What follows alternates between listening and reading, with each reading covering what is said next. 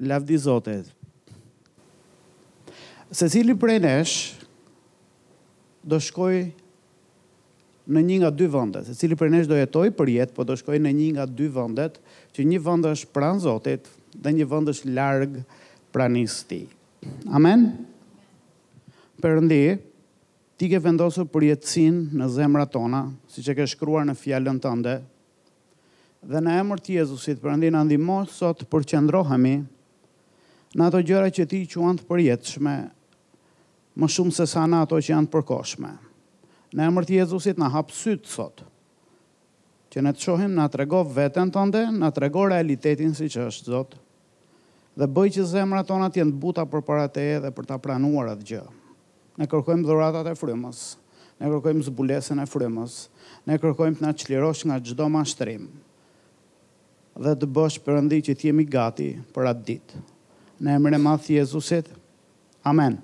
Doktor Maurice Rawlings ka qenë doktor i cili ka punuar me zemrën, po ka punuar dhe tek urgjenca që vinin shumë pacientë që pësonin vdekje klinike. Ai ishte ateist, nuk besonte tek Perëndia, por për vitet e tëra që punoi aty filloi po vinte re diçka. Njerëzit që kishin vdekje klinike, që domethënë vdisnin për disa minuta dhe ktheheshin prapë, por dhe ata njerëz që vërtet po kishin një betejë me vdekjen ose ishin momentet e fundit të vdekjes dhe vdisnin dhe nuk ktheheshin më. Edhe nga të gjitha këto përjetime që kishte, tha vura re dy gjëra tha, kishte njerëz tha që ishin të tmerruar dhe jo vetëm thjesht për faktin që po shkëputen nga kjo jetë, nga planet e kësaj jete, po për vendin ku ishin duke shkuar sepse dukeshin që ndërkohë që po shkëputeshin nga kjo jetë atyre ju ishte hapur një dritare dhe po shikonin në botën e përtejme. Edhe për ata që ishin kthyer mbrapsht i kishte pyetur, kurse për të tjerët vetëm kishte dëgjuar dëshmitë e tyre çfarë ishin duke thënë dhe tha kishin Të gjithë ndaheshin në dy kategori. Ishte një kategori njerëzish të tmerruar dhe ishin një kategori njerëzish që ishin në paqe, madje kishin dhe një lloj gëzimi. Dhe, tha, sidomos kur u këta që ktheheshin mbrapa, ata të cilët ishin të tmerruar, asnjëri nga ata nuk ishte besimtar te Jezus Krishti. Madje shumica e tyre kërkonin Më fol diçka për Jezusin, dua t'i lutem Jezusit a ke një Bibël dhe kishin këtë lloj kërkese, kurse të tjerët kishin ata që ishin në paqe ishin që të gjithë besimtarë të Jezusit. Madje në një nga rastet që që ishte dikush i cili po ishte në betejë me vdekjen, i tha të lutem, i tha, jam duke shkuar thoshte po nëqoftëse shkoj vetëm jam i humbur, ndihmë. Më ndihmo të besoj te Jezusi të falë mëkatet e mia dhe tha unë isha ateist tha ça të bëja tha dhe dhe vërtet e pashë realitetin tha dhe fillova tha të kujtoja kur kisha qenë në kishën e fëmijëve kur isha fëmijë në kishë dhe i thash lutu me mua dhe i thash Zot Jezus unë pendohem Zot Jezus unë besoj tek Jezusi doktori ateist po udhëhiqte në lutje Faleminderit që Jezusi vdiq për mua në kryq. Faleminderit që i mori mëkatin tim. Unë sot vendos besimin tek Ai, që edhe po të jetoj gjatë tu do jetoj me të gjithë jetën, tha. Ai tha, U lut, tha. Dhe tha, Gjithë ajo frikë dhe tmerr i iku dhe ishte në paqe dhe kishte tha, Faleminderit, mbylli sytë. edhe vdiq në paqe. Tha, tha, dhe ai, tha, u shpëtua atë ditë, tha, po jo vetëm ai, tha, sepse atë lutjen me të cilën unë e drejtova atë, Doctor Rawlings, tha, e bëra dhe vetë me gjithë zemër. Dhe tha, dhe atë ditë edhe unë u shpëtova. Doctor Rawlings pastaj ka udhëhequr shumë njerëz tjerë tek Zoti dhe ka dhe një dokumentar shumë të bukur, për ju që dini anglisht është To Hell and Back. Edhe që ka njerëz që janë intervistuar që kanë kaluar përmes kësaj gjëje dhe disa prej këtyre dhe janë kthyer mbrapsht edhe jetojnë. Një rast që që kemi patur ka qenë një motra jonë në besim dhe bëhet fjalë shumë vite më përpara, ajo ishte studente në Tiranë për anglisht, mbaroi shkollën, u bë besimtare dhe përpara se të ikte Jashtë Shqipërisë kthehet tek prindërit e vet në Pogradec dhe atje i predikon Ungjillin motrës vet dhe motra e vet pranon Jezusin. Normalisht prindërit nuk besuan, vllai nuk besoi, por motra e vet, Lida, besoi tek Jezusi dhe Çfarë ndodhi ishte që Lida donte të vinte në shkollë biblike në Tiranë, prindërit e vet nuk po e kuptonin ça ishte shkolla biblike, thjesht donin që vajza të bënte një shkollë të lartë. Dhe thanë po mirë të shkojë tha ndoshta do gjejë ndonjë punë. Dhe ajo erdhi. Dhe ndërkohë që si të gjithë studentët që jetojnë apo studiojnë në Tiranë dhe kthehen herë pas here, vizitojnë prindërit ndonjë fundjavë apo kur ka festa dhe pastaj vijnë prapë. Lida shkon në një nga këto rastet për vizitë në shtëpinë e vet gjatë Vitit të Ri dhe ndodh aty që babai i vet vdes. Kur babai i Lidës vdes, Lida tani kishte këtë gjë që unë sa kishte filluar shkollën biblike dhe ishte thoshte që ne mund të lutemi për të sëmurët në emër të Jezusit, mund të vendosim duart mbi ta dhe ata do shërohen, por tani babi nuk është i sëmurë, babi është i vdekur ça do bëj, edhe tha shkoj në dhomën tjetër dhe filloj të lutem në gjuhë të tjera. Dhe ndërkohë që filloj të lutem në gjuhë të tjera filloja edhe po lutesha me zë të lartë dhe vjen gjyshja e ëma e të vdekurit e thotë ça bën me budallaqe këtu, Edhe thot, po ajo thot, thot, fillova thot, u mbusha me frymën e shenjtë, edhe kur vajta thot tek trupi i babit, thot, vendosa duart mbi të dhe i thash, çohu në emër të Jezusit. Edhe babi çohet duke ulëritur. E tha, zjarr, zjarr, po digjem. Zjarr, zjarr, po digjem. Edhe pastaj kur vjen në vete, vllai i kësaj, të tjerët kishin shkuar sepse kishte nuk e di sa kohë tamam, kishin shkuar të bënin gati përgatitjet e funeralit. Dhe kur ata kthehen, E gjejnë babin e Lidës gjallë. Dhe babi i Lidës thotë ma jep një çikë biblën tënde. Njerëzit kanë shumë argumente edhe ateistët kanë shumë argumente po një nga profesorët që kaloi përmes vdekjes klinike dhe tha këtë gjë tha unë isha shumë tha orator tha për të folur kundra besimit kundra Zotit kundra Jezusit edhe biblës tha tha, dhe për çudi tha ka ateistë shumë të fortë tha deri në momentin e shtratit vdekjes. Dhe aty pastaj kishte thirrur një të krishterë me të cilin ishte tallur gjithë jetën dhe i kërkoi ndihmë. Dhe personi jo vetëm e udhëhoqi tek Jezusi, por u lut për atë dhe ai u shërua dhe ai vazhdoi që t'i shërbejë Jezusit për shumë vite. Okej, këto janë shumë të rëndësishme, por ne këtu jemi besimtarë, ne besojmë tek Jezusi dhe Lavdi Zotit që ne kemi shpëtuar nga ky realitet dhe ne nuk do shkojmë. Po siç thotë Hebrenjve nëntë njëzet e shtatë, që thotë është caktuar që njerëzit të vdesin vetëm një herë, të vdesin një herë dhe pastaj vjen gjyqi.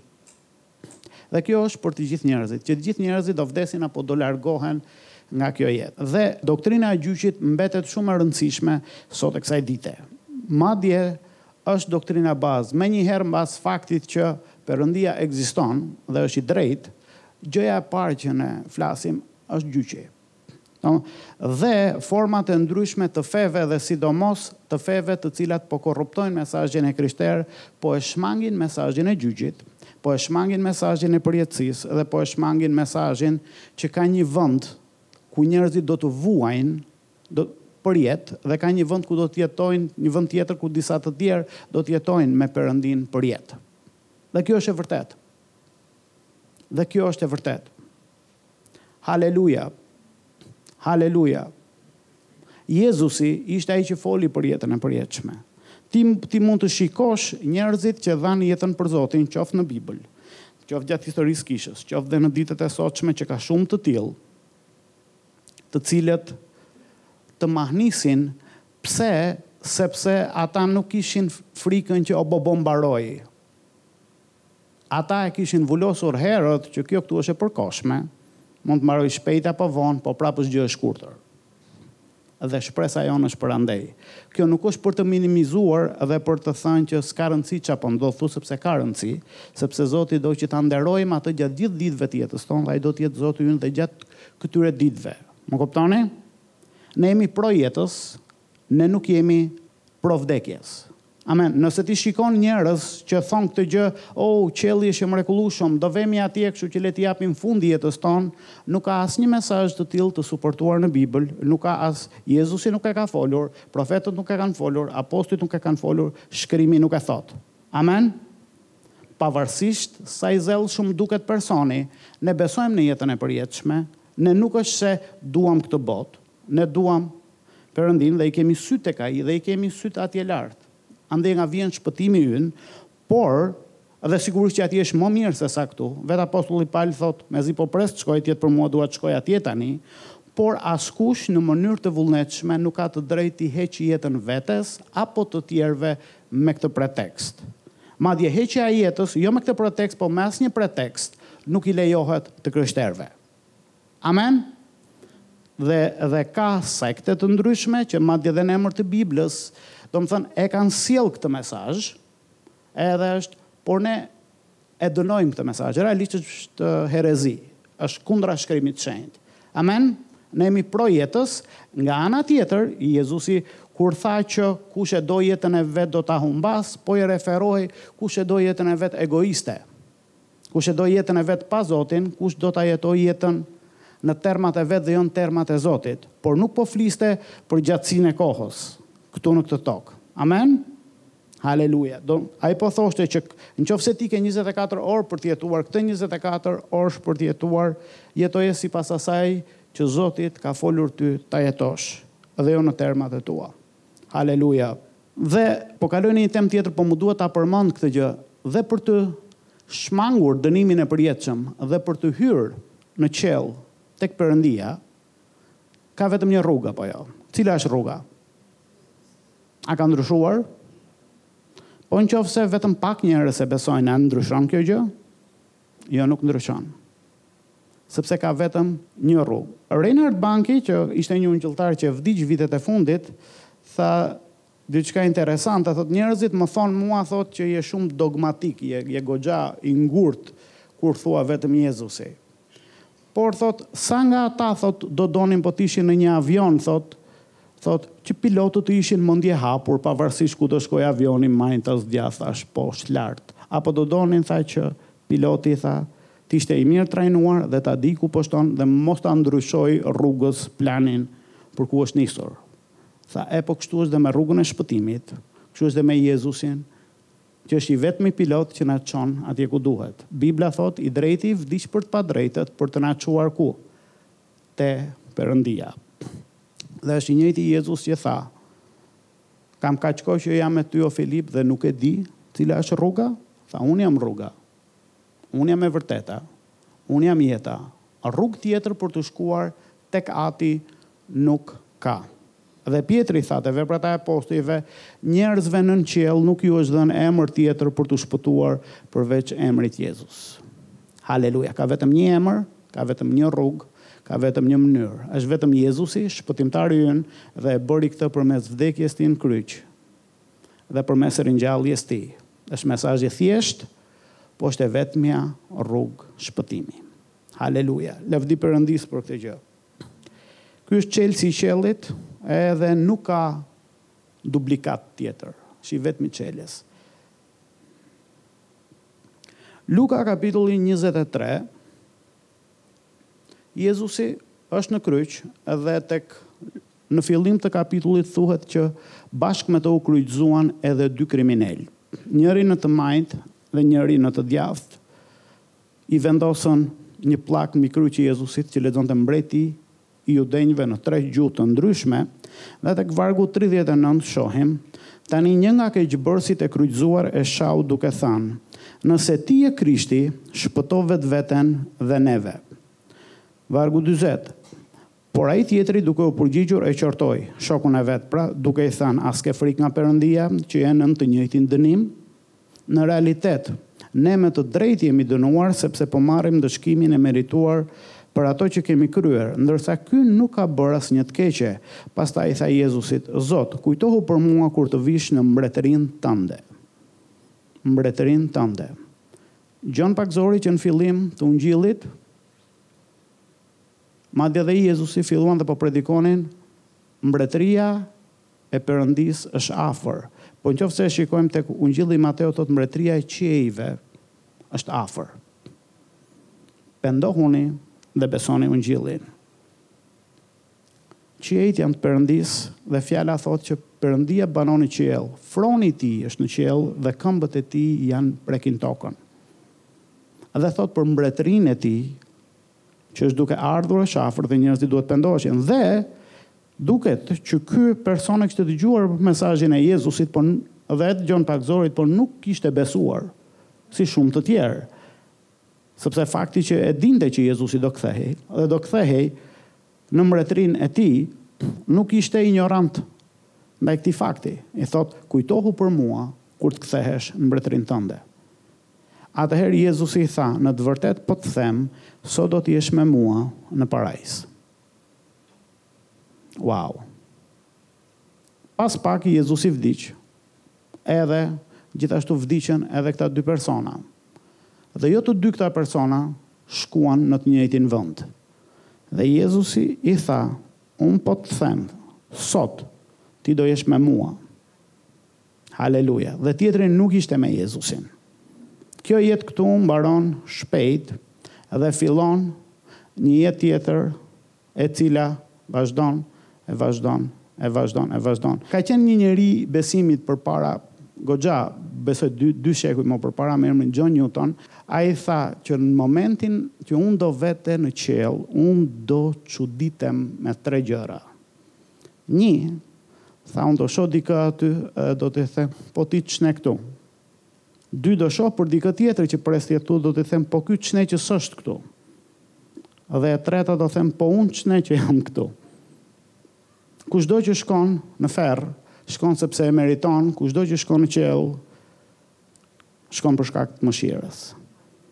Haleluja. Lavdi Zotit. Lavdi Zotit. E para Korintasve 15 është një kapitull goxha i gjerë që flet për jetën e përjetshme dhe flet për besimtarët. Dhe tek vargu 19 Pali ju thotë Korintasve se është duke i qortuar për disa gjëra dhe ato i thotë, Në qoftë se shpresojmë në Krishtin vetëm në këtë jetë, ne jemi më të mjerët e të gjithë njerëzve. Nëse shpresojmë në Krishtin, dikush mund të besojë në Krishtin, po beson vetëm për gjërat e kësaj jete. Që Zoti të më fali, të më ndihmojë mos të kem frikë, të më japi bukën e përditshme, të më shërojë, të jetoj një jetë të gjatë e të bekuar, Por, jeta e përjetshme, të shofim kur të vijë, si të jetë. Pali thotë nëse shpresojmë vetëm për këtë jetë, edhe për gjëra të mira, madje edhe për për një shërbesë për të ndihmuar njerëzit, ku ti mund t'i ndihmosh të uriturit, njerëzit në hall, njerëzit që vuajnë, t'i ndihmosh në hallet që kanë ata, po nëse sytë e tu janë vetëm në këtë jetë, Pali thotë ti je i mjerë, dhe jo vetëm je i mjerë, po je më i mjeri i të gjithë njerëzve. Dhe ai fut dhe veten, në qoftë se thotë, dhe unë jam i tillë, unë dhe ti bashkë, thotë, ne jemi më të mjerët e të gjithë njerëzve. Ti vetëm po të shohësh jetën e Palit dhe po të shikosh dhe jetën e apostujve, që të gjithë u vranë për Jezusin, përveç Gjonit që u përpiqën ta ta vrisnin disa herë, edhe në mënyrë të mbinatyrshme u shpëtua. Po që të gjithë tjerët kanë një histori nga ana e natyrshme të dhimbshme. Por, për ata nuk ishte e dhimbshme. Kur vetë Pjetri dhe Gjoni u rrahën dhe u bënë gati që t'i vrisnin, thotë, u ndienë të privilegjuar që u çmuan të denjë që të vuanin njëlloj si Jezusi. Ndërkohë që në të natyrshmen tendenca është për të shmangur dhimbjen, kur vinte puna për për të vuajtur për Jezusin, ata e quanin privilegj. Dhe, mënyra se si apostulli Pal thotë unë mbaj në trupin tim, thotë, shenjat ose vurratat, plagët e Jezusit. Domethënë sa herë që ato e kishin rrahur për Jezusin, i kishin ngelur shenja në trup. Dhe ai i konsideronte ato si dekorata. I konsideronte si dekorata, sepse vetë ato që Jezusi, shenjat që ai ka në duart e tij, apo dhe në gjithë trupin e tij, realisht është përmes tyre që ne jemi shpëtuar. Haleluja! Një njeri i cili u rrëmbye në qiell dhe atje pa njerëz, pa vetë Jezusin, edhe tha, akoma vrimat ishin në duart e tij, ishin si një material prej drite, por ishin aty dhe ato konsideroheshin si medalje. Madje pashë njerëz, një profet të Zotit, i cili kishte shenja në trupin e vet. Edhe ishte e njëjta gjë. Për hir të Jezusit, ato konsideroheshin domethënë si gjë me shumë vlerë. Steve Hill tregon një ngjarje edhe thotë do vijë dita, thotë që thotë ti do ta gjesh veten në gostinë e madhe të dasmës së qengjit, sepse Bibla thotë kur të vemi në mbretërinë e Perëndisë, do jetë gostia e madhe e dasmës së qengjit, dhe ne e dimë kush është qengji, apo jo? Haleluja! Dhe ai do martohet me nusen e vet dhe kush është nusja? Kisha. Dhe do ketë një gosti të madhe që do bëhet dhe ja ku je ulur ti aty dhe ke Dikë në të majtë, dikë në të djathtë, dikush nga India, dikush nga Pakistani, dikush nga Kanadaja, dikush nga Rusia, dikush që ka jetuar në kohën e Davidit, dikush në kohën e Noeut, dikush është në kohën e Mesjetës, je dhe ti aty. Dhe ja aty ti shikon dhe një vajzë të vogël që është e ulur pranë teje. Dhe e pyet si e ke emrin? Rebeka.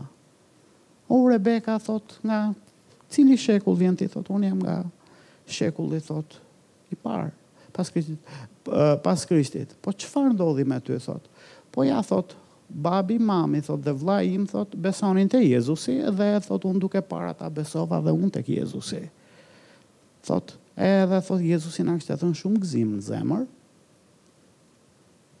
Dhe thotë, por një ditë thotë, erdhën thotë, me dhunë thotë, shqyen derën thotë, e shtëpisë tonë thotë, na rrëmbyen thotë, disa njerëz të dhunshëm thotë, me shpata në duar thotë, edhe na çuan në një vend thotë, që ishte shumë i madh, ku ishin ulur njerëz të mëdhenj, dhe dëgjova dikë që tha ky është Koloseu.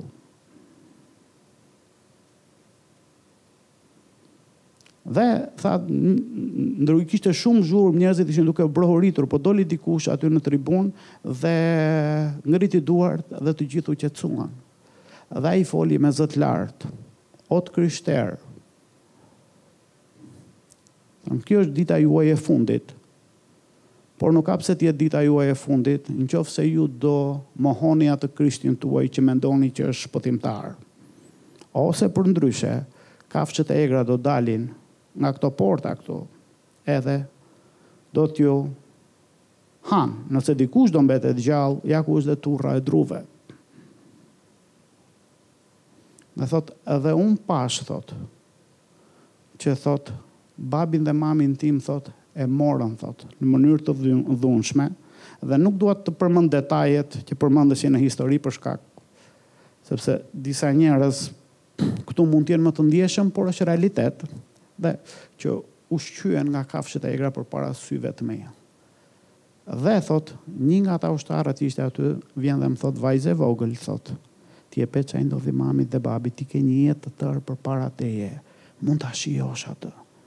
Domethënë, ndoshta edhe, tha, ishte ideja që dhe unë në zemrën time dhe mund të thoja që sot unë nuk besoj më te Jezusi, s'ka gjë do besoj më vonë. Tha, po nuk mund ta bëja këtë gjë, tha, si mundesha unë, tha, ta mohoja Jezusin? Kur pashë babin dhe mamin tim që e donin aq shumë, dhe kur e dija që Jezusi më donte aq shumë, dhe i thashë, Jo, unë do besoj tek Jezusi. Edhe tha ushtari u tërhoq, tha. Dhe pastaj tha, Mbaj mend, tha, vetëm disa kafshë, tha, që u turrën drejt meje, tha, dhe e gjeta veten këtu lart. Edhe edhe tha ti e gjen veten të prekur nga historia e vajzës dhe vajza kthehet drejt teje dhe të thotë cila është historia jote? Edhe Steve Hill tha këtë gjë, tha që tha, unë nuk do doja të më vinte turp në atë ditë. Për mënyrën se si kam jetuar për Jezusin. Filipianët një njëzet e një thotë, Për mua të jetoj është Krishti, është Pali duke folur, dhe të vdekurit është fitim. Ë Para shumë vitesh shkoj në varrimin e një besimtari që u largua më herët se ç'duhej nga kjo jetë. Dhe kur isha aty, Ky ishte një nga vargjet që u fol gjatë varrimit, sepse një pastor ndau mesazhin e vet.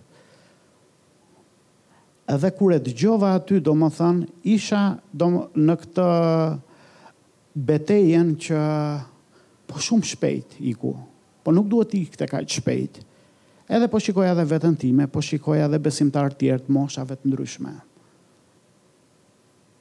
Dhe, megjithëse unë besoj tek jeta e gjatë dhe e bekuar, dhe jo se e besoj unë, po Bibla e thotë. Bibla flet, Nëse ti bën këto gjëra, thotë tek Ligji i Përtërirë, apo edhe tek Levitiku dhe tek Numrat thotë, do të shumohen ditët e tua. Ju thotë atyre kur t'hyni në Tokën e Premtuar. Edhe thotë në vende të tjere, ditët e tij u shkurtuan, apo u u prenë përgjysëm. Pra, plani i Zotit nuk është që ditët e dikujt të shkurtohen, sepse Zoti ka planifikuar ditë të gjata, vite të gjata, apo që të priten përgjysëm. Por, plani i Zotit është që vitet të shumohen. Vite jete, thotë Bibla, dhe paqeje. Kështu që, disa njerëz, për shkakun e tyre, Jeta e tyre shkurtohet. Po sidoqoftë, edhe për shkaqe dhe unë besoj që një arsye ose mendoj që është arsyeja e vetme pse dikush mund të largohet herët nga kjo jetë është vetëm për shkak të përndjekjes, sepse dikush e ka vendosur përballë zgjedhjes, moho Krishtin ose unë do ta marr jetën tënde. Çdo arsye tjetër nuk ka pse të jetë.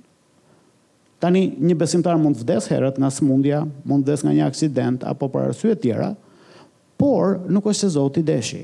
Thjesht, njeriu ka thyer ligje të caktuara për shkak të pakujdesisë, mungesës së besimit, etj, etj, por nuk ishte plani i Zotit. Amen? Por sidoqoftë, le të themi që në qoftë edhe një besimtar vdes i ri, një besimtare vdes e re, për shkak të një aksidenti, për shkak të një sëmundje, etj, etj, Prapë, të jetuarit është Krishti dhe të vdekurit është fitim. Amen? Asnjë që është atje nuk do të kthehet këtu. Asnjë që shkon atje dhe ka dëshmi të plot njerëzve që e kanë parë qiellin, kanë ardhur apo kanë pësuar vdekje klinike dhe kanë ardhur. Dhe është shumë bukur. Një nga rastet që që ka ndodhur dhe ishte në Skoci, ishte një çift në ditë dimri, akull në rrugë, duke u shkuar të dielën për në kishë, rrëshket njëri nga të dy, rrëshket burri, edhe bie me kokë mbrapa, dhe i hapet koka dhe fillon t'i dalë gjaku. Gruaja e vet, siç është vë duart mbi të dhe fillon të lutet fort. Dhe nuk e dinte, burri ishte gjallë, kishte vdekur, i ra të fikët, s'dinte asgjë, thjesht filloi dhe po lutej. Dhe personi tjetër tregon, Ça ndodhi, vite më vonë, dhe thotë, thotë, unë, thotë, dola nga trupi, thotë, dhe shikoj gruan time, thotë, që ishte duke ulur, thotë, në rrugë, thashë, po kjo pse po ulet, dhe kur pashë aty, thotë, pashë dikë të shtrirë, kur e shikoj, thotë, më ngjante mua, dhe thotë, kishte gjak në kokë. Dhe u bëra gati t'i thoja çfarë po bën, kur shikoj dy krijesa të mëdha të të bardha shumë të larta thotë, rreth rrotull thotë dhe ishin shumë të paqmë dhe shumë të lavdishëm. Dhe ndjeja sikur po tërhiqesha drejt tyre dhe sikur ata u bënë gati të më merrnin për ta çuar tek Perëndia. Edhe panë njëri-tjetrin edhe edhe m'u kthyen mua thanë duhet të kthehesh në trup thotë. Ajo u lut thotë edhe tha lutja e saj duhet të marrë përgjigje. Autoriteti i besimtarit, fuqia e lutjes në emrin e Jezusit. E thotë, unë u ktheva, thotë në trup, thotë. Realiteti ishte shumë i bukur atje, thotë. Thotë sepse ndjeva lavdinë e Zotit. E thotë, dhe jam gjithë këto vite tani thotë edhe po vazhdojmë të jetojmë. Amen. Të jetuarit është Krishti. Të jetosh për Krishtin, por dhe të vdekurit është fitim. Amen, dhe është fitim shumë i madh. Bibla thotë, armiku i fundit që do të mposhtet, e para Korintësve pesëmbëdhjetë është vdekja. Jezusi e mposhti atë që ka pushtetin e vdekjes, po do vijë një moment që ai do shkatërrojë komplet vdekjen dhe çdo efekt të vdekjes, dhe madje Bibla thotë vdekja dhe Hadesi u hodhën në liqenin e zjarrtë. Dhe atëherë Jezusi do t'ia dorëzojë mbretërinë Atit dhe thotë ne pastaj do të jetojmë me trupa të lavdishëm që ai do na japë në jetë të jetëve me të. Haleluja! Të vdekurit është fitim. Për dikë që s'e di thotë ç'është kjo? Dhe siç e thashë nuk po inkurajoj vdekjen, nuk inkurajoj largimin nga kjo jetë, thjesht po them që kurdo që të ndodhi, Është thjesht një derë dhe një ndryshim adrese për tek shtëpia e re që është më mirë. Jezusi tha tek Gjoni katërmbëdhjetë, Ja unë po shkoj t'ju pregatis një banesë, dhe do vij dhe do t'ju marr, nuk do t'ju lë jetim, që atje ku jam unë, të jeni dhe ju. Jezusi, kur u lut, përpara se disa i tha Atit, kur ishte në kopshtin e Getsemanisë, i tha, O At, më merr dhe më restauro në vendin ku isha para krijimit të botës, në lavdinë që kisha pranë Teje. Sepse Jezusi ka jetuar para krijimit, në lavdi, pranë Atit, dhe tha, Po vij prapë. më merr aty prapë. Dhe ati e mori. Dhe ne e dimë tek Veprat një, dy ëngjëj erdhën dhe ai u ngjit lart. Haleluja! Haleluja! Ë, sa nga ju kanë dëgjuar emrin Derek Prince? Disa. Derek Prince ka vdekur. Dhe po të shikosh te pllaka e varrit të tij që është në Izrael, ka një përshkrim aty. E thotë ka shkuar në shpi. Aleluja. Vance Havner thotë, Një orë në qiell, thotë, dhe do na vijë turp, thotë, për çdo lloj gjëje për të cilën jemi ankuar. Matthew Henry thotë, Ai, thotë, i cili e ka kokën në qiell, thotë, nuk ka nevojë t'i fusë këmbët në varr. Billy Graham thotë, Momentin që do marrim frymëmarrjen tonë të fundit, thotë, frymëmarrjen tjetër, thotë, do ta kesh në qiell. CS Lewis, Nëse e shoh veten që kam një dëshirë aq të madhe përbrenda meje që s'ma ngop asgjë në këtë botë, thotë, ndoshta, thotë, shpjegimi i mundshëm është, thotë, që unë jam bërë për tjetër botë. Haleluja! Haleluja! Haleluja! Haleluja! Hebrenjtë, kapitulli njëmbëdhjetë, ju e dini që është kapitulli i besimit dhe flet për besimin që kishin heronjtë e besimit. ë,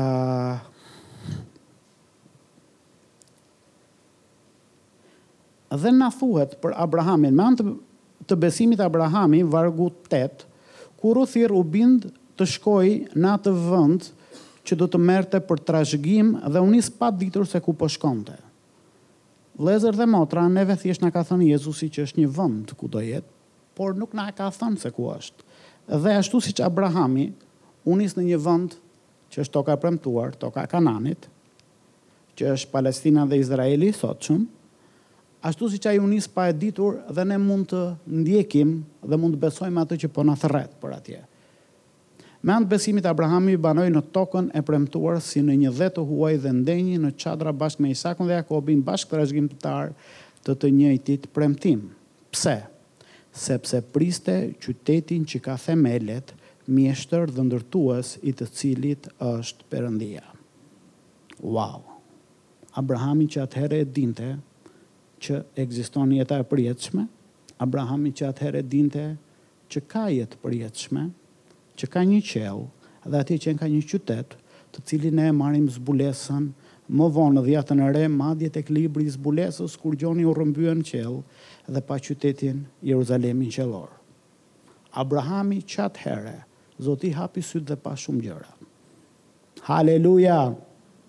Haleluja! Priste qytetin! Priste qytetin! Priste qytetin! Që ka themelet, mjeshtër dhe ndërtues i të cilit është Perëndia. Bibla thotë, Çdo dhuratë e mirë vjen nga, nga lart. Lart. Bibla flet shumë për fjalën lart. Nga lart, nga Ati i dritave, pranë të cilit Nuk ka hije ndryshimi. Nuk ka ndërrim. Lavdi Zotit. Ky qytet është qyteti i dritave. Ky është qyteti ku vetë Perëndia shkëlqen. Te zbulesa Gjoni thotë s'kishte diell, e megjithatë ishte dritë e përsosur. Pse sepse vetë Perëndia shkëlqen. Dhe nuk ka natë. Madje ka njerëz që janë rrëmbyer në vegim apo kanë shkuar atje dhe thonë nuk ishte hije, në qoftë se ne jemi mësuar që diçka ndriçohet nga njëra anë dhe ka hije nga ana tjetër, thoshte atje nuk ekzistonte hija. Ne jemi mësuar t'i t'i shohim objektet në bazë dritëhijesh, atje thotë ishte një lloj realiteti tjetër që unë s'e shifja dot me sytë këtu po Zoti më hapte sytë për të parë. Me anë të besimit, prit. Vargu trembëdhjetë, Të gjithë këta vdiqën, sepse përmendet Abrahami, Sara, Isaku, Jakobi, Abeli, Noeu, përmenden shumë, thotë, të gjithë këta vdiqën në besim, thotë, pa marrë premtimet e bëra, por i panë ato për së largu dhe u bindën dhe i përshëndetën ato me gëzim, këta njerëz kanë qenë, kanë jetuar me gëzim, këta njerëz kanë jetuar me besim, këta njerëz nuk ishin njerëz që ankoheshin. Dhe mua më duket e mrekullueshme. Ndërkohë që njerëz që akoma nuk e kishin Biblën e shkuar, e shkruar, njerëz që nuk kishin kishën e, njerëz që nuk kishin kaq shumë vëllezër dhe motra t'i inkurajojnë, që nuk kishin Biblën në celular ta dëgjonin qoftë audio, ta lexonin, predikime në YouTube, t'i thonin një vëllai lutemi takim burrash, takim grash, të mërkurë, të shtunë. Nuk i kishin gjithë këto gjëra, edhe. Zoti i foli një herë, i foli mbas shumë vitesh, ndoshta tre katër herë gjatë jetës dikujt, por qëndruan në besim. Nuk vajtën, si mendon ti, më foli Zoti mua apo nuk më foli?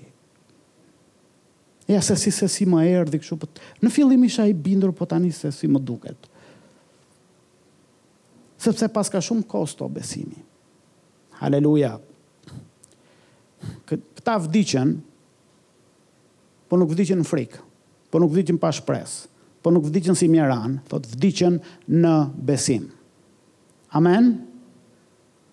Nuk ka rëndësi si po vdes, ku po vdes, në mes kujt po vdes, ça opinioni kanë të tjerët për ty që po vdes, rëndësi ka si po vdes përbrenda teje, në besim.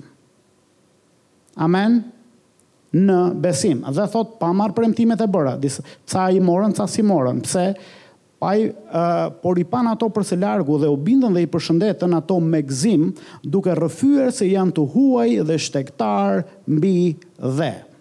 Pse nuk funksionon besimi i disave është sepse nuk e shohin veten si shtegtarë mbi dhe, e shikojnë veten si mbretër që duan një mbretëri mbi dhe që Zoti t'i ndihmojë të ndërtojnë atë mbretëri. Po në momentin që ti je shtegtar mbi dhe, trasta që do kesh nevojë, buka që do kesh nevojë, mbrojtja që do kesh nevojë, kujdesi që do kesh nevojë do të të jepen. Por nëse ti ndalon shtegtimin për atje ku je nisur dhe ti po i kërkon Zotit të bekojë çadrën tënde apo shpinë tënde apo vilën tënde, Zoti thotë, ëë, unë jam jam nisur rrugës të shtegut, të shtegtimit, a po vjen me mua? Se ke ndaluar mbrapa. Bekimi është këtu gjatë rrugës. Haleluja! Jemi të huaj, të huaj do të thotë, kush është i huaj? Është dikush që s'i takon këtij vendi. Kur dikush vjen si turist ktu, apo vjen për të bërë biznes nga jashtë Shqipërisë në Shqipëri, është i huaj. është alien. Apo dikush vjen nga një planet tjetër këtu, themi që është alien, është i huaj. është UFO. objekt i paidentifikuar. Dhe fjala e Zotit thotë që ne jemi të huaj dhe shtegtarë mbi dhe. Kur Jezusi u lut, ose do, do shkoj pak më vonë aty, sepse ata që flasin të tilla tregojnë se kërkojnë atdhe. Vargu 14. Hebrenjtë 11.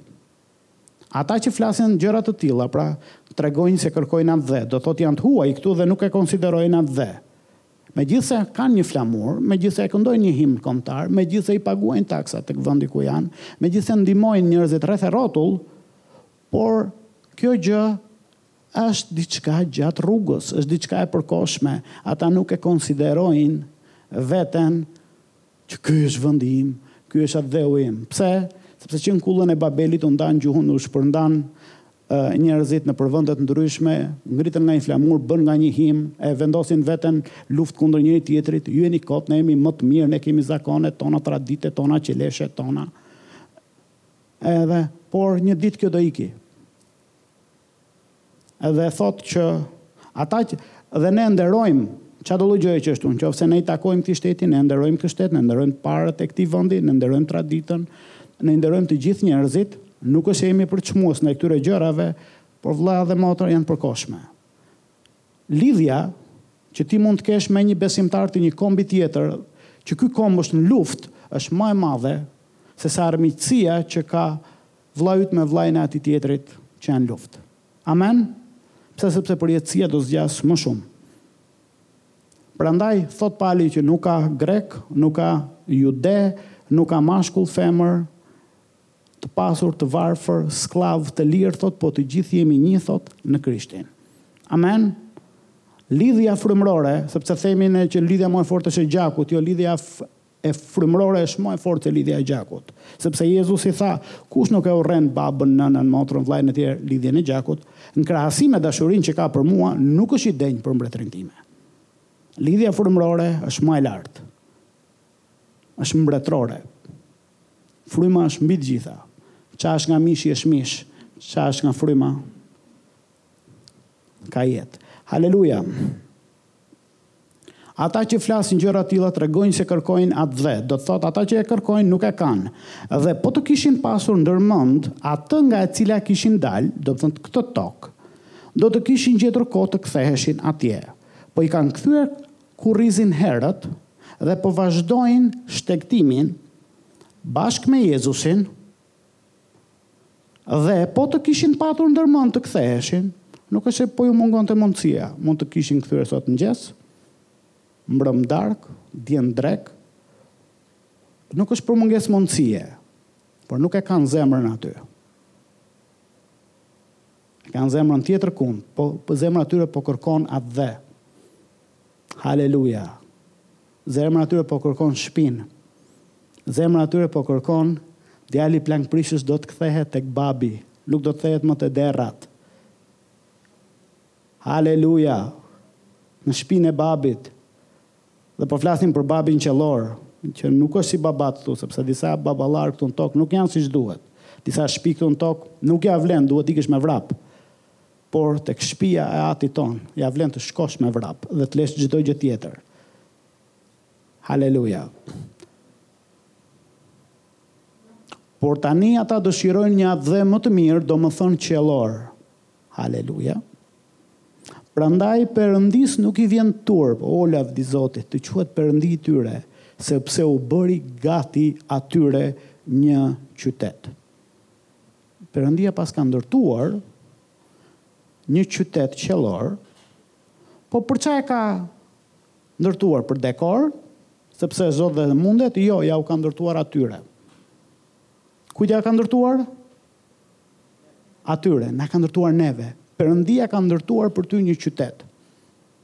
Perëndia ka ndërtuar për ty një qytet. Perëndia ka ndërtuar për ty një qytet. Tek Mateu kapitulli njëzet e pesë, vargu dyzet e një a dyzet e dy, më duk, thuhet që thotë liqenin e zjarrit i ndërtuar për djallin dhe ëngjëjt e tij. Dhe ferri është ndërtuar jo kot, por nuk është ndërtuar për ty. Është ndërtuar për djallin dhe për ëngjëjt e tij. Po Perëndia për ty ka ndërtuar një qytet. Lavdi Perëndisë! Lavdi Perëndisë! Qyteti i dritave, qyteti yt. Haleluja! Vëlla dhe motër, ky është mesazhi që kam. Perëndia ma vuri në zemër përpara disa ditës, edhe kisha një kështu, Zot, pse këtë mesazh?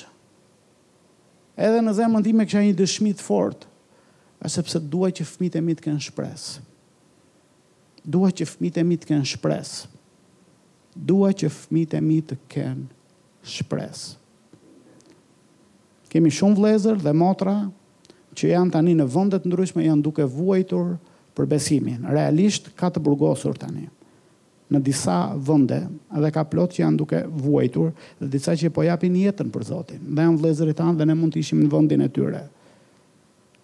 Amen dhe Pali thotë nuk e çmoj si diçka të madhe këtë jetë.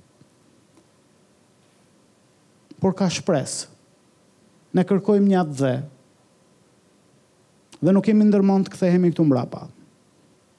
Amen, jo vetëm për shkaqe pragmatiste që po ta llogaris unë kjo jetë këtu është e shkurtër, ajo është më e gjatë, ja vlen të vuaj këtu, po të më dali mirë atje, po më del llogaria.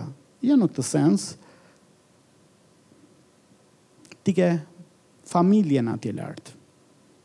Bibla thot dëshmitarët që janë duke duartrokitur ecjen tonë.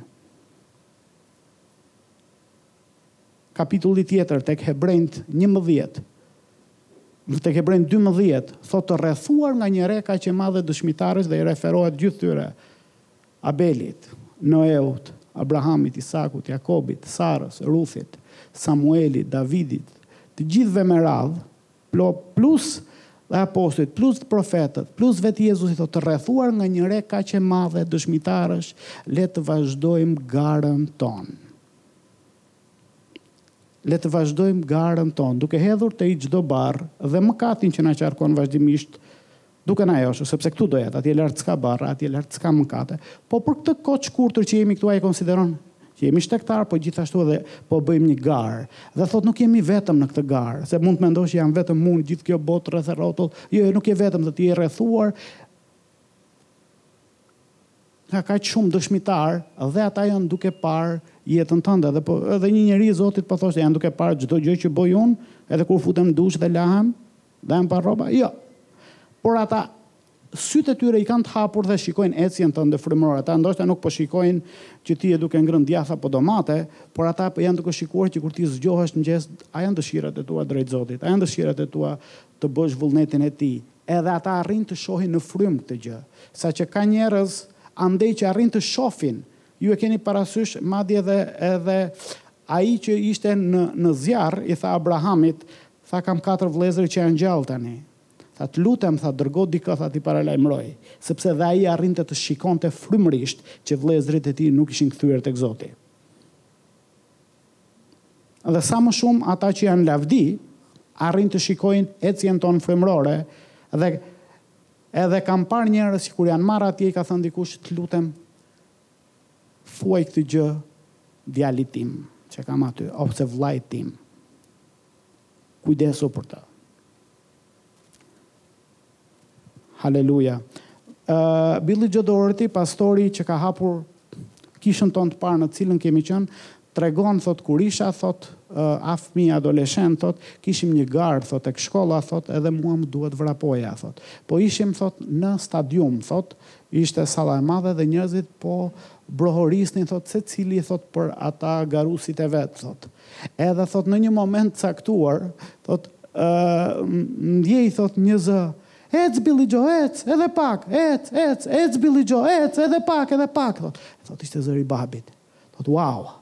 Edhe thot më dha zemër ajo gjë, megjithëse isha i lodhur edhe po vazhdoja. Edhe ajo gjë, ec, ec Billy Joe, edhe pak, do ja arrish. Bravo, ec, ec, ec Billy Joe, edhe pak.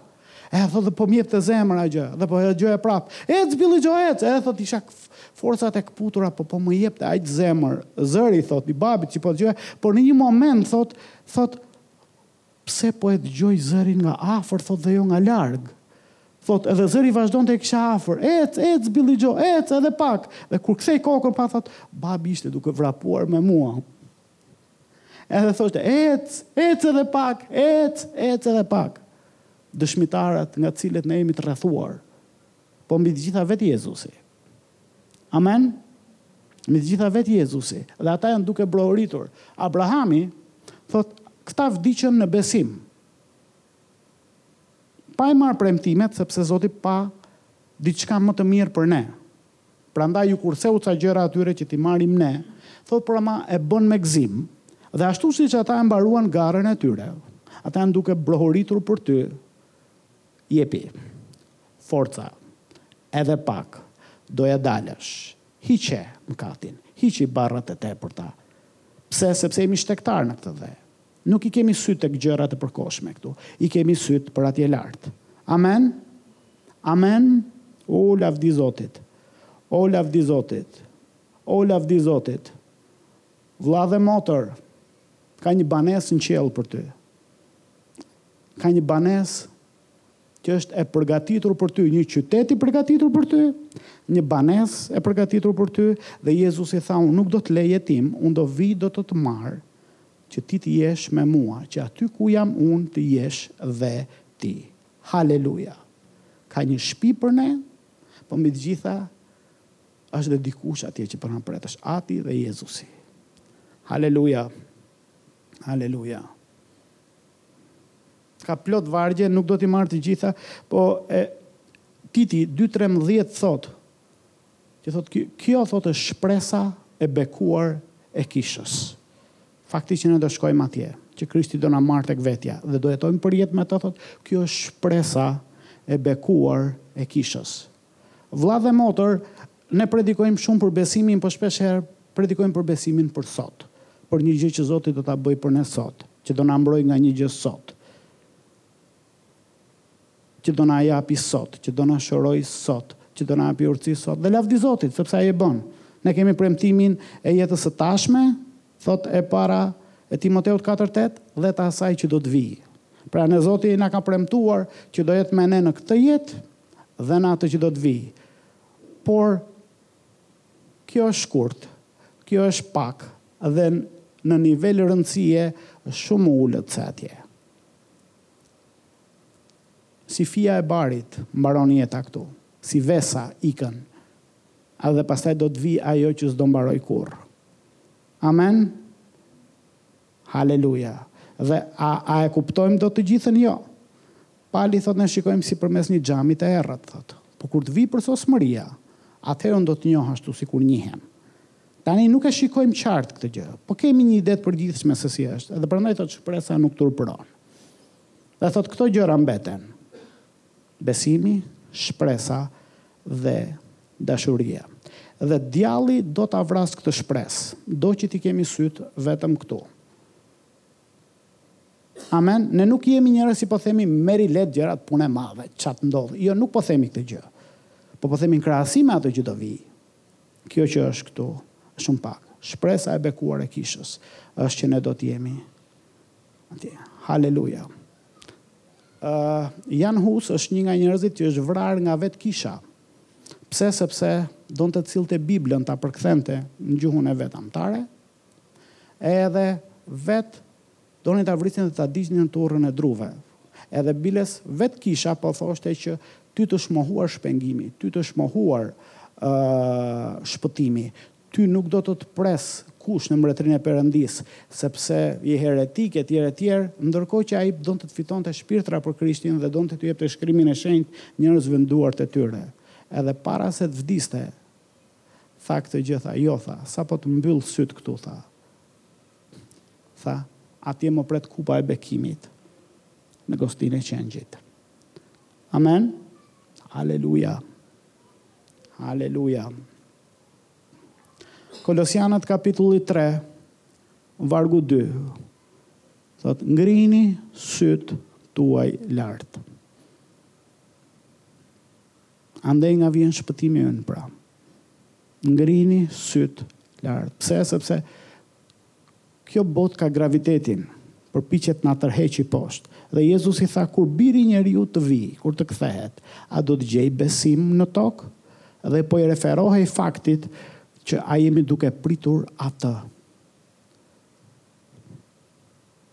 A jemi duke e pritur atë? Kur ai të vijë, a do gjejë besim në tokë? Dhe tha, Kujdes, tha, që ajo ditë mos t'ju gjejë në gjumë, dhe nuk po referohej që ti të mos flesh natën, të lutem fli. Sepse Zoti vetë ka premtuar që gjumi yt do jetë i bekuar, në paqe do të biesh, në paqe do të ngrihesh në mëngjes. Por, po referohej që ne mos të jemi duke pritur atë. Dhe ai tha që ishin pesë virgjëresha budallaqe dhe pesë virgjëresha të zgjuara. Edhe që ishin duke pritur dhëndrin dhe diku i referohet dasmorëve. Domethënë ndërkohë që vjen dhëndri do vi do marri nusen, janë e ke parasysh ky grupi që pret dhëndrin, që pret me festim etj etj dhe dhëndri mund të vinte edhe në kohë darke sepse rruga ishte e largët dhe do merrte nusen dhe do largohej dhe këto duhet të kishin llampat me vaj. sepse e tillë ishte koha, nuk kishte drita elektrike, dhe thotë ato ishin duke pritur ardhjen e dhëndrit, edhe thotë pesë të zgjuarat i kishin plot me vaj, pesë budallaqeve ju mbaroi vaji edhe nuk kishin më dritë dhe ju kërkuan vaj atyre që kishin dhe ato thonë po të japim nga vaji ynë do ngelemi dhe ne pa vaj, thotë dhe ato thonë ok po shkojmë deri në treg dhe do blejmë, dhe ndërkohë që shkojnë të blejnë, dhëndri erdhi mori nusen dhe iku dhe kur erdhën Ishte mbyllur dera dhe mesazhi është që këto ishin virgjëresha, që do të thotë po jetonin pastër, ishin duke pritur dhëndrin, nuk është se s'donin t'ia dinin, ishin gati dhe ishin aty bashkë me të zgjuarat, që do të thotë ishin goca kishe ose çuna kishe, të cilët besojnë tek Zoti dhe të cilët janë të pastër, Virgjëresha nuk kanë moral të ulët po prapë janë budallaqe ou këto sikur e meritojnë dekoratën le të presim ardhjen e Zotit amen le të presim ardhjen e Zotit le t'i ngremë sytë lartë haleluja Filipianët kapitulli tre, vargu njëzet, Filipianët kapitulli tre është i mahnitshëm. Normalisht që është libri i gëzimit Filipianët, Pali e shkruajti kur ishte në burg, e edhe, edhe është po këtu ku lexuam që të vdekurit për mua është fitim dhe të jetuarit për mua është Krishti, po te kapitulli i tretë ai është duke folur për garën dhe është duke thot Edhe thotë i konsideroj pleh të gjitha gjërat që kam lënë për Krishtin, thotë, që dikur më dukeshin fitim, thotë, tani thotë, në krahasim thotë me njohjen e Jezusit, në krahasim me të ringjallem me të, në krahasim madje dhe të vuaj për të, thotë, të gjitha i konsideroj pleh. Dhe unë po vrapoj, thotë, që ta njoh atë. Jo se e kam arritur, thotë, po po bëj maksimumin që të arrij, që të jem si ai dhe të eci me të. Edhe thotë e konsideroj nder këtë gjë dhe thotë dhe dhe tek vargu njëzet thotë sepse qytetaria jonë është në qiej. Vlla dhe motër, ti je alien, ti je i huaj në këtë tokë. Ti e ke qytetarinë, ti e ke shtetësinë, ti e ke pashaportën diku tjetër. Je në mënyrë të përkohshme këtu, si tip turisti, je shtegtar, Po kalon, po do kthehesh tek shteti yt, do kthehesh te qyteti yt, aty ku e ke shtetësinë, sepse qytetaria jote është në qiej. Ne madje kemi bënim një shaka, thonim qytetaria ime është në qiej, o shoku fshatar. po është vërtet qytetaria jonë atje lart. Haleluja. Jezusi kur u lut, tha O At lutem mos t'i heqësh dishepujt nga kjo botë por ruaji nga i ligu ata janë në këtë botë por nuk janë të kësaj bote kështu që ne vërtet i kemi këmbët këtu në këtë botë por identiteti yt kush ti je është atje lart amen ti ke rilindur nga perëndia Dhe kur rilinde, e ke parasysh njerëzit që gratë shtatëzanë, unë kam pas një kolege pune që shkoi përpara se të lindte, shkoi në Amerikë, pse sepse çdo fëmijë që lind në Amerikë merr shtetësinë amerikane. Dhe për dy fëmijtë bëri këtë gjë, shkoi atje që të lindte fëmijët dhe ajo vetë është shqiptare, me shtetësi, po dy fëmijët e vet kanë shtetësi amerikane. Pse sepse e donte këtë gjë. Tani Jezusi tha, Ju duhet të lindni sërish, sepse kush nuk lind sërish, nuk e sheh mbretërinë, nuk hyn dot në mbretëri. Dhe, secili prej nesh ka rilindur. Ti ke rilindur. Dhe ndërkohë që ke rilindur, në cilin shtet ke lindur? Çfarë shtetësie ke? Tani që ke rilindur, ke, ti ke rilindur në mbretërinë e Perëndisë. Pse? Sepse ai na hoqi nga mbretëri, nga pushteti i errësirës dhe na çoi në mbretërinë e birit të tij të dashur. Dhe kjo është mbretëria e qiejve. Dhe ti je qytetar i qiellit. Qytetaria jote, shtetësia jote është në qiell. Ti je në këtë botë, po ti nuk je i kësaj bote. Si çdo ambasador që kemi këtu në Tiranë, është në Tiranë, është në Shqipëri, por nuk është shqiptar, është i shtetit vet.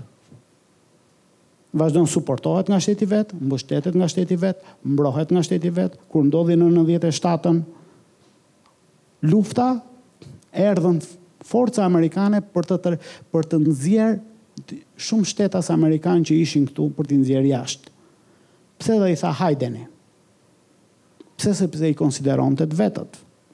Amen? Dhe ti konsiderohesh i qiellit, ti konsiderohesh i atit. Haleluja, sepse je i tillë. Sepse je i tillë.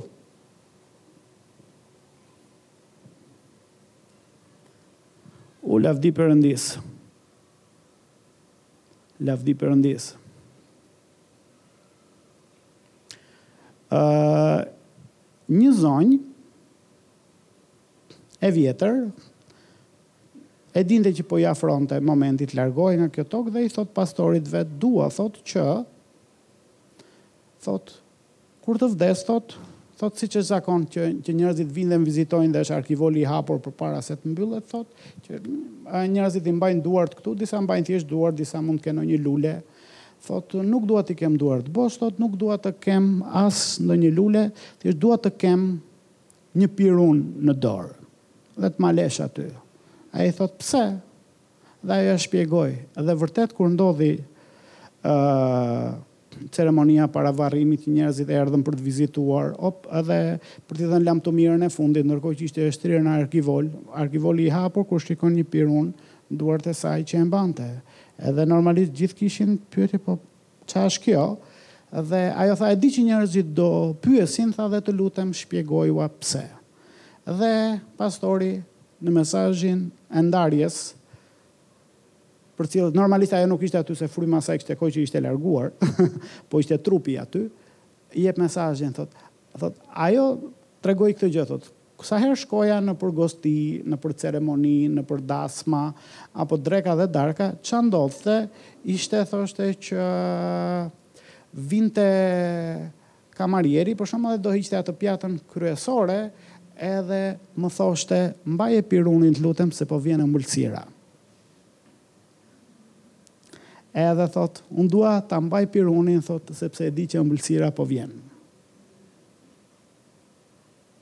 Vëlla dhe motër, po vjen. Jezusi po vjen shpejt. Dhe ai do vijë për të vetët. Tha, ja unë po vij dhe shpërblimi im është me mua. Haleluja. Haleluja. Dua ta hapim pak Biblën tek Zbulesa Kapitulli njëzet e një. Dua të merrem me një mit të vogël, domethënë që nuk është thelbi i mesazhit tim sot, mesazhi është ka të bëjë me shpresën. Edhe kjo është, ky është detaj teknik po ka goxha rëndësi. Pse sepse shpesh herë janë këto fjalët që neve themi qelli, parajsa. E dini që fjala parajsë përmendet vetëm tre herë në Bibël? Fjala qiell herë përmendet për qiellin fizik, herë përmendet për qiellin ku mund të jenë dhe forcat demonike, herë përmendet për qiellin ku janë galaksitë, po përmendet si qiell dhe qielli ku ka banimin Zoti, apo ka edhe vendi ku shkon dikush që vdes tani një besimtar dhe shkon atje. Ka shumë kuptim, por fjala parajsë përdoret vetëm tre herë dhe një nga rastet ishte ai që lexuam kur Jezusi i tha uh, hajdutit në kryq, tha, unë po të them sot ti do jesh me mua në parajsë. Vendi i dytë është Pali te dyta Korintasve 12 thotë unë njoh një njeri thotë i cili thotë u rrëmbye deri në të tretin qiell Dhe pak vargje më poshtë thotë, U rrëmbye në parajsë dhe dëgjoi fjalë që nuk mund të thuhen me fjalë njerëzore, dhe e quan, e barazon qiellin atje lart, në të tretin qiell, thotë, në qiellin e tretë, me parajsën. Dhe pastaj, te dy kapitujt e fundit të Biblës përdoret edhe thotë, Pema e jetës, që përmendet në kopshtin e Edenit dhe nuk dëgjojmë më gjë për të gjatë gjithë Biblës, përmendet në fund fare te këto dy kapitujt e fundit, Pema e jetës që është në mes të Parajsës së Perëndisë. Por, përmendet qyteti qiellor, Jeruzalemi qiellor, qielli, froni i Perëndisë atje lart. Dhe ë uh, pse po them, ë uh, është kjo ideja që a beson, nëse beson te Jezusi ti do shkosh në qiell. Qielli është shtëpia jonë. Vëlla dhe motër qielli nuk është shpia jonë. Qielli është një vend i përkohshëm. Ata që janë sot në qiell nuk do rrinë gjithmonë aty. Dhe nuk po flas për purgator, po Bibla thotë, sepse shpesh herë ne i marrim gjërat dhe i përziejmë. Edhe përdorim të njëjtat fjalë mix. Për shembull, po diskutoja me djalin dhe me vajzën time, edhe si shkruhet ë Do më thënë, ajo që të lind ty kush është? është mami, pra është babi dhe mami. Kështu shkruhet në Bibël, po. Po mami i mamit, si quhet? Nëna. Ok, po kur hapim Biblën dhe lexojmë, që Maria, nëna e Jezusit, a do thotë që është gjyshja e Jezusit? Jo, por disa breza më përpara ajo që të lindte quhej nënë. Babi im, të ëmën e vet e quante nënë, kurse unë, atë që më lindi e quajta mami, madje dhe mamin e babit tim e quajta nënë. Ai e quante nënë mamin e vet dhe unë e quajta nënë gjyshen time. Pra ne shikojmë që janë ca fjalë që me kalimin e kohës ju ikën kuptimi, madje brenda dy-tre brezave. dhe ka plot fjalë të tilla dhe shpesh herë ne dëgjojmë fjalën ferr, dëgjojmë dhe fjalën qiell ose parajsë dhe i kemi futur të gjitha gjërat lëmsh ashtu siç janë për shembull kur themi lojë me top. E mos ka gjë, bëje gol kur loz basketboll. Jo, jo, bëhet kosh. Është tjetër gjë. Dhe dhe i kemi bërë disa gjëra lëmsh. Pse? Sepse ka nëse dikush sot ka vdekur, Dhe trupi i tij është futur në varr, apo e kanë djegur në turrën e druve, apo e kanë ngrënë kafshët e egra, apo e kanë djegur dhe e kanë bërë hi, kështu që e shpërndajnë, po fryma dhe shpirti i tij ka shkuar tek Jezusi. Është pranë Krishtit, por është pa trup. Tani Jezusi vetë u ringjall me trup, A mbani mend? Jezusi vetë u ringjall me trup, madje me trup të lavdishëm, para Korintasve pesëmbëdhjetë dhe Thesalonikasve merren goxha me këtë gjë dhe thotë që në kohët e fundit kur të vijë ringjallja, do ringjallemi dhe do na jepen trupa të lavdishëm që nuk plaken, që nuk smuren, që nuk dekompozohen, nuk janë të pakorruptueshëm, janë të lavdishëm. Jezusi u ringjall me trup të lavdishëm. Trupi me të cilin Jezusi u ringjall, ishte trup i lavdishëm si trupi që do marrim ne në ringjallje, edhe ai trup nuk plaket, nuk smuret, nuk shkatërrohet. Nëqoftëse e mbani mend, kur shkoi të vizitonte dishepujt, ata kishin frikë, kishin mbyllur derën dhe ai kaloi mespërmes murit dhe hyri aty. Wow! Si mund të kaloka një trup mes përmes mur, ishte trup i lavdishëm. Dhe tha, tha, ata u trembën, tha, a është fantazëm, tha, jo, tha, nuk jam fantazëm, tha, keni diçka për të ngrënë, dhe ata kishin peshk dhe një huall mjalti, ja dhanë dhe ai hëngri para tyre, që trupi edhe mund të kalonte mes përmes murit, po dhe mund të ushqehej, edhe hëngri peshk, hëngri dhe huall mjalti, Që janë materie, dhe tha më prekni tha sepse një fantazëm apo frymë nuk ka mish dhe kocka ashtu siç shikoni që unë kam.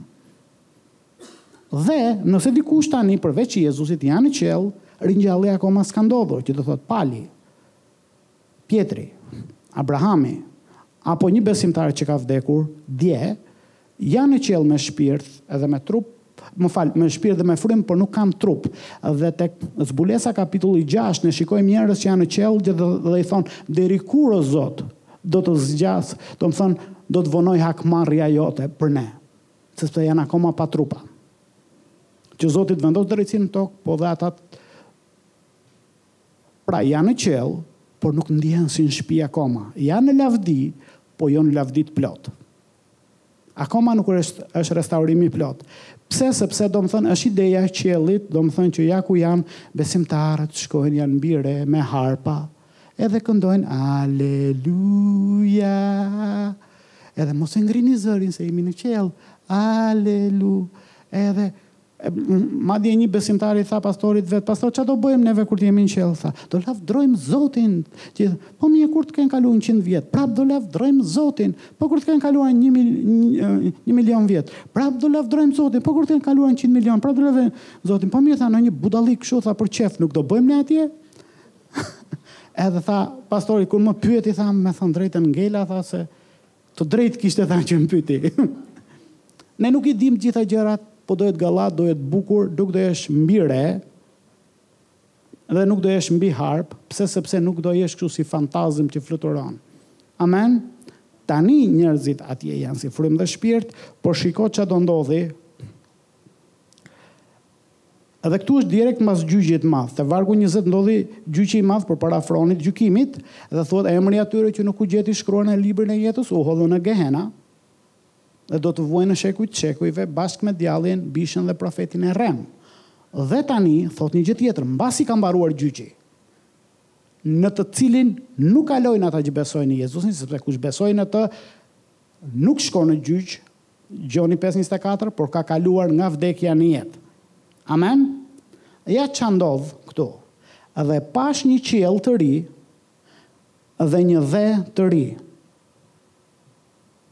Ne pamë që Zoti paska krijuar një qytet qiellor tani, po nuk paska vetëm një qytet. Pashë një qiell të ri, pra paska një qiell të vjetër, Dhe një dhe të ri, tokë e re, sepse qielli i parë dhe dheu i parë kishin shkuar. Dhe deti nuk ishte më. Pjetri thotë, herën e parë, kur mëkati erdhi fort mbi, mbi tokë, Zoti e shkatërroi botën me anë të përmbytjes. Po herën e parë e bëri me anë të ujit, herën e dytë do ta bëjë me anë të zjarrit. Edhe qielli i parë dhe dheu i parë shkatërrohen me anë të zjarrit. Dhe unë Gjoni, sepse Gjoni është i rrëmbyer në qiell dhe po shikon vegimin e të ardhmes. Zoti po ia tregon ça do ndodhi e, e ka ka ka hypur në makinën e kohës, ka udhëtuar në kohë, Ka shkuar pa dhe gjyqin e fundit, pa mundimin e madh antikrishtin e të gjitha dhe kanë mbaruar që të gjitha. Djalli është hedhur në ferr, antikrishti është hedhur në ferr, profeti i rremë është hedhur në ferr, njerëzit e tjerë u gjykuan dhe u hodhën në gehena. Dhe tani thotë këtë gjë thotë, dhe tani thotë pashë dhe një gjë tjetër, me makinën e kohës, thotë një qiell të ri, Dhe një dhe të ri, sepse qielli i parë dhe dheu i parë kishin shkuar. Po pse ata që vdiqën? Ku janë? Janë në qiell. Po qielli i parë, në të cilin është Pali, Pjetri, Abrahami, Davidi, shkuan. Oh! Pra ky qiell nuk qenka shpia e tyre. Paska dhe më mirë. Sepse qielli i parë dhe dheu i parë kishin shkuar dhe deti nuk ishte më, dhe unë Gjoni pashë qytetin e shenjtë. Lavdi Zotit, qyteti i shenjtë është ruajtur. Ishte, po është ruajtur, Jeruzalemin e ri që zbriste nga qielli, nga Perëndia, që ishte bërë gati si nuse e stolisur ky qytet për burrin e vet. Dhe dëgjova një zë të madh nga qielli që thoshte, Ja tabernakulli i Perëndisë me njerëzit. Dhe ai do të banojë me ta dhe ata do të jenë populli i tij, dhe vetë Perëndia do të jetë bashkë me ta Perëndi i tyre. dhe Perëndia do të thajë çdo lot nga sytë e tyre, dhe vdekja nuk do të jetë më as brengë, as klithma, as mundim, sepse gjërat e mëparshme shkuan. Dhe ai që rrinte mbi fron tha, Ja, unë i bëj të gjitha gjërat të reja. Dhe më tha, Shkruaj, sepse këto fjalë janë të vërteta dhe besnike, dhe lavdi Zotit që Gjoni i shkroi dhe ne i kemi sot. dhe më tha, U bë, unë jam Alfa dhe Omega, fillimi dhe mbarimi, atij që ka etje unë do t'i jap si dhuratë nga burimi i ujit të jetës. Kush fiton do t'i trashëgojë të gjitha gjërat dhe do të jem për të perëndi e ai do të jetë për mua bir.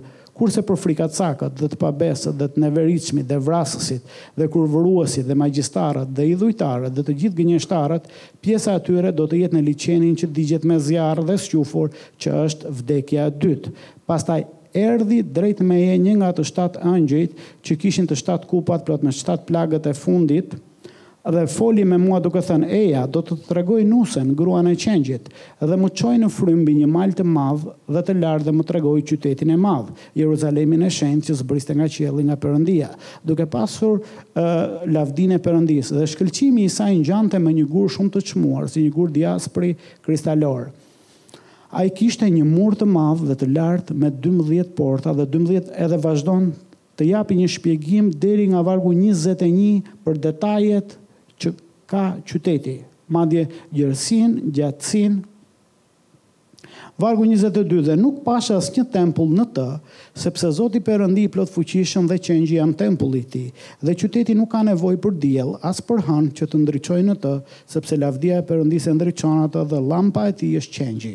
Dhe kombet e të shpëtuarve, u kombe, haleluja, lavdi Zotit, shpëtuar nga çdo komb, nga çdo gjuhë, nga çdo fis, Haleluja! Do të ecin në dritën e tij dhe mbretërit e dheut do të sjellin lavdinë dhe nderin e tyre në të, dhe portat e tij nuk do të mbyllen asnjëherë gjatë ditës, sepse nuk do të ketë asnjëherë natë, dhe edhe në të do të sjellin lavdinë dhe nderin e kombeve, dhe nuk do të hyjë asgjë e papastër dhe askush që kryen neveri e gënjeshtër, po vetëm ata që janë të shkruar në librin e jetës së qengjit. Haleluja!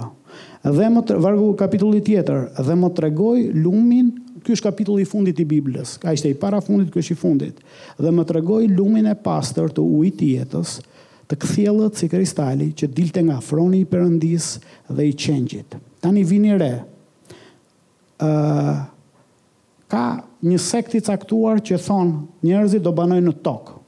Ka të tjerë që thonë do banojnë në qiell. Realisht, qyteti që zbret nga qielli, ku zbret? Në tokë. Po atëherë, këtu do jenë kombet e të shpëtuarve. Po nga ana tjetër, Perëndia nuk do jetë në qiell dhe ata në tokë, thotë Perëndia do të jetë me ta. Dhe ky është tabernakulli i Perëndisë. Pra qielli dhe toka në këtë pikë do të jenë nji. Nuk do ketë më u bë vullneti yt këtu në tokë si në qiell, po toka dhe qielli do jetë nji edhe do jetojnë së bashku siç e kishte planifikuar gjithmonë Perëndia. Do qielli dhe toka do jenë nji, Perëndia do jetojë, ne do jetojmë me të përjetë. Haleluja! Amen! Dëshmitarët e Jehovait thonë këtë gjë që ja ku është një tokë, ja do jetë dhe një qiell. Ca njerëz do jetojnë këtu, por ata që janë shumë të zgjedhur do jetojnë në qiell, do ndajnë veç e veç, jo, jo, jo, vëlla dhe motër. Dhe ka shumë të krishterë në mesin tonë që thotë ne do jetojmë në qiell dhe kanë idenë sikur do fluturojmë kështu, domethënë, si pulëbardha gjithë kohën me harpa. Jo. Jezusi u ringjall me trup, hëngri mjaltë, hëngri peshk, po vjen me mbi kalë, ata që do vijnë me të do jenë mbi kuaj, që është jetë shumë praktike, po prapë e mbinatyrshme sepse kaloi mes përmes murit dhe prapë u rrëmbye. Nivel lavdie. Amen? Lavdi Zotit. Në mes të sheshit të qytetit, këtej andej lumit ishte druri i jetës që jep dymbëdhjetë fruta dhe nxjerr çdo muaj një frutë dhe gjethet e drurit janë për shërim të kombeve dhe asnjë mallkim nuk do të ketë më dhe në të do të jetë froni i Perëndisë dhe i Qengjit dhe shërbëtorët e tij do të shërbejnë, ata do të shohin fytyrën e tij dhe emri i tij do të jetë mbi ballin e tyre dhe atje natë Nuk do të ketë, edhe nuk ka nevojë për llambë, as për dritë dielli, sepse Zoti Perëndi i ndriçon, dhe ata do të mbretërojnë në në shekuj të shekujve. Shekuj, shekuj, mbretërim. Dhe më tha, Këto fjalë janë besnike, Dhe të vërteta, dhe Zoti Perëndi i profetëve të shenjtë dërgoi ëngjëllin e tij për t'u treguar shërbëtorëve të tij gjërat që duhet të ndodhin për së shpejti. Ja, unë vij shpejt, lum ai që i ruan fjalët e profecisë këtij libri, dhe unë Gjoni, jam ai që kam parë dhe dëgjuar këto gjëra, dhe kur dëgjova dhe pashë, rashë për ta adhuruar përpara këmbëve të ëngjëllit që m'i tregonte këto gjëra, dhe ai më tha, Ruaju se e bën.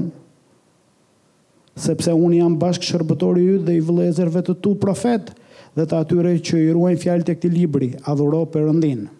Amen? Adhurimi i çdokujt dhe çdo gjëje tjetër përveç Perëndisë është idhujtari dhe e urryer. Domethënë po aq i lavdishëm ishte ëngjëlli dhe ça po shikonte Gjoni këtu është saqë filloi u bë gati të adhuronte Angjëllin. Pastaj më tha, Mos i vulos fjalët e profecisë së këtij libri, sepse koha është afër. U. Kush është i padrejtë, le të vazhdojë të jetë i padrejtë, kush është i ndyrë, le të vazhdojë të jetë i ndyrë, kush është i drejtë, le të vazhdojë të praktikojë drejtësinë dhe kush është i shenjtë, le të vazhdojë të shenjtërohet. Vjen një pikë që i thuhet njerëzve, t'u tha pendohu, s'do, vazhdo. Dhe ja, unë vij shpejt dhe shpërblimi im është me mua për t'i dhënë gjithsecilit, sipas veprave që ai ka bërë. Unë jam Alfa dhe Omega, fillimi dhe mbarimi, i pari dhe i fundit. Lum ata që i kryejnë urdhërimet e tij, që të kenë të drejtën për drurin e jetës dhe për të hyrë në portat e qytetit.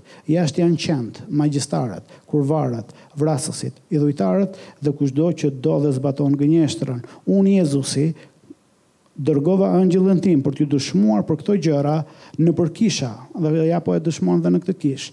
Unë jam rrënja dhe pasardhja e Davidit, ylli i ndritshëm i mëngjesit, dhe fryma, dhe nusja, thonë, Eja, o, haleluja! Dhe ai që dëgjon le të thotë, Eja! Dhe ai që ka etje le të vijë, dhe ai që do le të marrë si dhuratë ujin e jetës. Dhe unë i deklaroj kujtdo që dëgjon fjalët e profecisë së këtij libri, se nëse ndiku, se nëse ndokush do t'i shtojë këtyre gjërave, Perëndia do të dërgojë mbi të plagët e përshkruara në këtë libër, dhe nëse dikush i heq nga fjalët e librit të kësaj profecie, Perëndia do t'i heqë pjesën e tij nga libri i jetës, nga qyteti i shenjtë, dhe nga gjërat që janë përshkruar në këtë libër. Ai që dëshmon për këto gjëra thotë, Po, unë vij shpejt. Amen. Po, eja Zot Jezus. Hiri i Zotit Jezus Krisht qoftë me ju të gjithë. Amen. Dhe me këtë fjalë dua ta mbyll mesazhin për sot dhe shërbesën për sot dhe besoj që fryma e Perëndisë na ka dëshmuar secilit prej nesh gjëra të mëdha. Amen! Perëndia ju bekoftë dhe ju ruajtë. Amen!